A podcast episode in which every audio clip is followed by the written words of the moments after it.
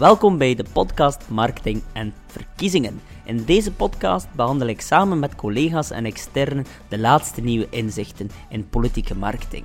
We hebben het over topics als personal branding, nudging, neuromarketing en big data. Ik wens jullie alvast heel veel inspiratie. Als jullie vragen hebben, mogen jullie mij altijd contacteren via reinoud.exposure.be. Jullie doen ons een plezier door een reactie na te laten op deze podcast of eventueel een reactie te geven op Google op exposure.be. Alvast heel veel inspiratie gewenst.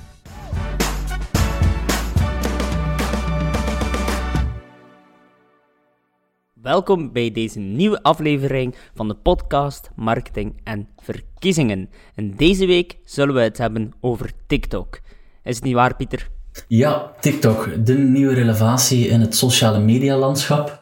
Uh, wij zijn er misschien al een beetje oud voor, maar uh, echte jonge mensen, daar horen wij misschien niet meer bij. Eigenlijk erg om te zeggen als uh, 27-jarigen en 25-jarigen, dacht ik.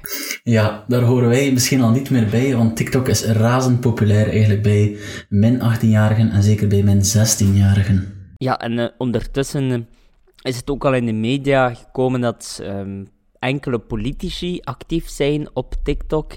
Nochtans uh, zijn het vandaag nog steeds uitzonderingen. Dus leek het ons wel eens interessant om een podcastaflevering te wijden aan TikTok en wat is de relevantie of wat de relevantie is voor politici. Ja, inderdaad. We kunnen misschien beginnen met eens heel kort uh, uit te leggen wat TikTok misschien is. Want als het voor ons uh, al uh, een les was, dan veronderstel ik dat het voor veel van onze luisteraars ook een nieuw medium is. Dus TikTok is een sociale media app en daarmee kan je hele korte muziekvideo's maken. En op de muziek kan je eigenlijk van alles doen. Er zijn dansjes, er zijn bepaalde bewegingen, acties. En de video duurt eigenlijk maar 3 tot 15 seconden. Uh, die kan ook in loops uh, gemaakt worden enzovoort. Maar dus dat is eigenlijk het principe. Korte video's. En uh, die krijg je allemaal op een feed te zien, waar je heel, heel, heel gemakkelijk door kan scrollen. Dus het werkt verslavend. Dat leert de ervaring. Ja, misschien hebben sommigen van die, ja, van die TikTok-filmpjes al gezien. Um, wordt ook vaak hergebruikt op andere sociale media, zoals Facebook en Instagram. En dan zie je plots mensen gekke, gekke dansjes doen. Ik zag het onlangs nog met uh, Jacques Vermeire en zijn dochter, die een uh, TikTok-filmpje of een, ja, een challenge deden op TikTok. Dus... Um, ja, het, wordt ook wel erg gebruikt op andere kanalen. Dus uh, TikTok is echt een opmars bezig, maar vooral, zoals je reeds aanhaalde, vooral bij de jonge doelgroep, de zeer jonge doelgroep. Inderdaad, en dus uh, als we dan uh, bijvoorbeeld enkele statistieken erbij nemen, ja, het gaat over honderden miljoenen gebruikers. En de grootste groep, ja, dat zijn eigenlijk echt jonge, jonge gebruikers onder de 16 jaar. Ik kwam uh, het uh, Digimeter-onderzoek tegen. Een, eh, een, onderzoek dat elk jaar gedaan wordt naar het digitale gebruik van de Vlamingen. Uh, daar zag ik dat, dat TikTok een sterke stijger is, maar daar wordt eigenlijk geen rekening gehouden met min 16-jarigen. Dus het is zelfs een sterke stijger tussen de 16 en 24-jarigen. Uh, dus ja, TikTok zeker uh, een medium om rekening mee te houden. En het, is dan ook, het verbaast ons dan ook niet, Reinoud, dat enkele politici uh, recent mee op de kar sprongen. in de maand februari zijn er eigenlijk een aantal politici die elkaar uh, hebben gevolgd. Ik heb het even opgeschreven. Naar mijn weten was Conor Rousseau, de nieuwe voorzitter van SPA, de eerste op het medium. Die had 2 februari al zijn eerste video online staan. Twee weken later zat Tom van Grieken, ook de voorzitter van Vlaams Belang, op TikTok. En dan nog eens, twaalf dagen later, op 24 februari, had de NVA ook een account op TikTok. Dus plots was het hot and happening, uh, of dat is misschien een beetje overdreven, maar plots was het toch wel opmerkelijk. Ja, dat klopt. Op zeer korte termijn een paar, of een paar, letterlijk een paar, twee partijvoorzitters en een partij zelf die een account aanmaakten. Maar op zich moeten we het ook niet over, uh, overroepen. Want ondanks dat het inderdaad een zeer populair kanaal is bij de jongere doelgroep, is het natuurlijk ook wel nog steeds een onbekend kanaal voor heel velen. Ja, net zoals wij het ook moesten leren kennen, uh, zullen er veel, velen zo met ons zijn. Uh, ik heb het vorige weekend nog aan mijn ouders moeten uitleggen. Die hadden er nog niet van gehoord. Dus het is echt iets wat uh, onder jongeren gebruikt wordt en waar de oudere generaties helemaal niets van weten. Maar toch valt het niet te onderschatten, denk ik ja, als je, als je zo wat het gebruik van TikTokkers, als je daarover leest, ja, voor veel jonge mensen is TikTok het eigenlijk uh, de, nieuwe, de nieuwe kabeltelevisie. In plaats van een hele avond naar programma's te kijken uh, op televisie of lange series te volgen, is het scrollen op TikTok en dat urenlang. er bestaan aparte groepen, aparte genres.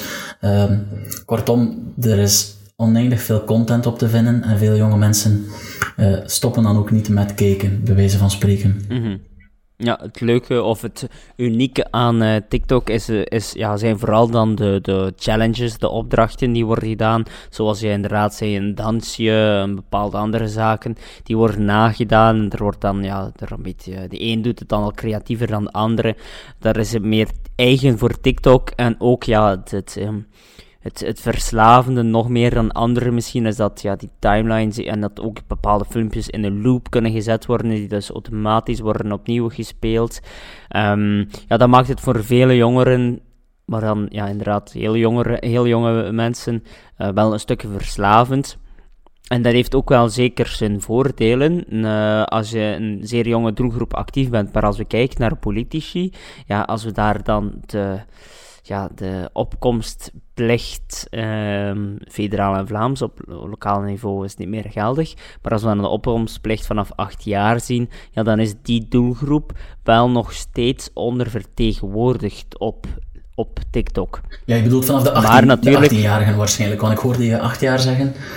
Vanaf, ja, 18 jaar, ja. klopt, ja ja. Uh, het, is, uh, het is natuurlijk wel interessant als je bijvoorbeeld vandaag burgemeesterschepen of lokaal mandataris bent, maakt niet uit, uh, kan ook even goed iemand in het parlement zijn. Ja, natuurlijk binnen een vier jaar, drie jaar, vijf jaar, afhankelijk van hoe goed alles loopt, um, zullen er nieuwe verkiezingen zijn. Als je natuurlijk een grote fanbasis hebt kunnen starten opbouwen op TikTok van mensen die nu bijvoorbeeld 14, 15 jaar zijn, ja, dan zijn zij natuurlijk wel de leeftijd, of hebben zij natuurlijk wel de leeftijd om uh, binnen de volgende verkiezingen te stemmen. Dus in die optiek ja, kan het zeker interessant zijn, maar we moeten, wij hebben nu TikTok al enkele weken opgevolgd, alles even bekeken, ook in het buitenland gekeken naar vergelijkbare projecten. En natuurlijk, zoals we ook zien in Vlaanderen, met bijvoorbeeld een Tom van Grieken en een Conor Rousseau, is het niet evident om tussen al het andere werk en alle alle andere kanalen eigenlijk ook TikTok erbij te nemen. Hè? Want als we kijken naar de, de bekendsten die nu in de politieke wereld dan, die nu actief zijn op TikTok, ja, dan moeten we vaststellen dat, uh, dat niet iedereen het eigenlijk followt. Nee, inderdaad. En dan, dan kom je automatisch bij de, ja, de belangrijkste platformen. Die worden ook wel eens de Big Five genoemd. Hè. Op welke sociale media zitten de mensen het meest? Of de Vlamingen. Uh, en dat zijn Facebook, eh, WhatsApp, Facebook Messenger, YouTube en Instagram. Um, ja, en dat is natuurlijk... Ja, met, met die, de Big Five, dat is natuurlijk waar het kiespubliek van al die politici zit. Uh, dat is veel minder op TikTok. Dus mijn, mijn vraag voor jou was, Reinoud, zou jij het aanraden aan politici om volop in te zetten op TikTok of niet? Nee, zeker niet. Uh, zeker niet volop inzetten op uh, TikTok, want bijvoorbeeld uh, Conor Rousseau en Tom van Grieken, zij hebben nu al enkele weken niets meer online gepost. NVA blijft het wel verder proberen, maar de andere ja, zijn er, hebben een account aangemaakt, maar zijn er op zich niet meer op actief. Um, kan je erop actief worden? Ja, zeker, uiteraard. Uh, het kan nooit kwaad om, om het te proberen. Maar als de vraag volop inzetten is, nee, dat helemaal niet. Want er is veel meer, of er is veel, uh, ja, veel meer laaghangend fruit bij de andere kanalen dan op TikTok. Eerst vooral, natuurlijk is het zeer, zeer moeilijk om vier jaar lang TikTok te onderhouden en zo op te bouwen met een relatief, uh, goed, laten we maar een kat en kat noemen, een relatief saai onderwerp, politiek, om die doelgroep daarmee te motiveren om vier jaar lang te volgen en dan ook nog te stemmen uh, op jou. Dus de return on investment, als we dan even als echte diehard marketeers mogen spreken, de return on investment, die zal veel te beperkt zijn als je dat bijvoorbeeld vergelijkt met Facebook, Instagram, Twitter. en de anderen die je hebt aangehaald. Dus uh, zou ik daarop inzetten? Nee. Kan je het proberen? Ja, uh, ons advies is altijd, je kan beter één iets goed doen dan, uh, dan vijf dingen slecht. Dus als we kijken naar vandaag het sociale media gebruik van veel politici, dan is er eigenlijk gewoon nog gigantisch veel uh, te verbeteren bij, bij Facebook, bij Instagram, bij Twitter. Dus er is gewoon nog enorm veel marge op de kanalen waar ze nu al een achterban hebben. Dus laten we nie, nu nog niet onmiddellijk kijken naar een nieuwe achterban. Laten we vooral even kijken naar je huidige achterban en hoe je daar meer kan uithalen. Dat is een beetje te vergelijken met de sales aanpakken.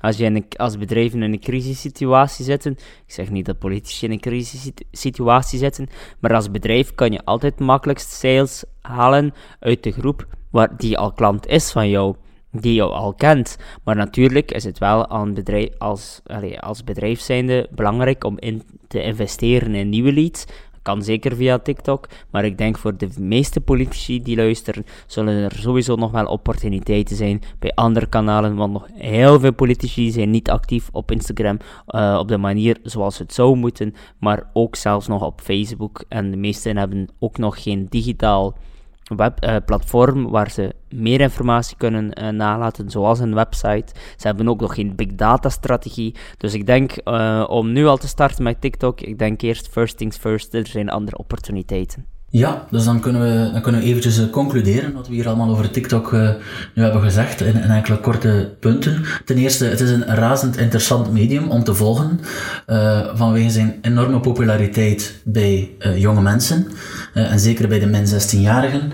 Maar als het dan gaat over de toepassing ervan in politieke marketing, dan hebben we daar toch enkele vraagtekens bij. Zoals je zei, er is meer laag hangend fruit bij de Big Five, de, de grote de grote sociale media platformen. En dus adviseren wij meer om in te zetten uh, op één iets dan bijvoorbeeld uh, vijf platformen te combineren en die allemaal maar pover te onderhouden. Heb ik het zo goed samengevat? Ja, ja je mag ze zeker alle vijf onderhouden als je, als je daar de middelen voor hebt. Als je daarvoor één de kennis hebt en twee uh, ook de tijd, dan uiteraard mag je alle kanalen doen. Hoe meer, hoe beter. Hoe meer exposure, hoe beter uiteraard. Maar het is wel, uh, het is wel voor heel veel politici, zowel op nationaal niveau als op lokaal niveau, zeer moeilijk om dat allemaal te beheren.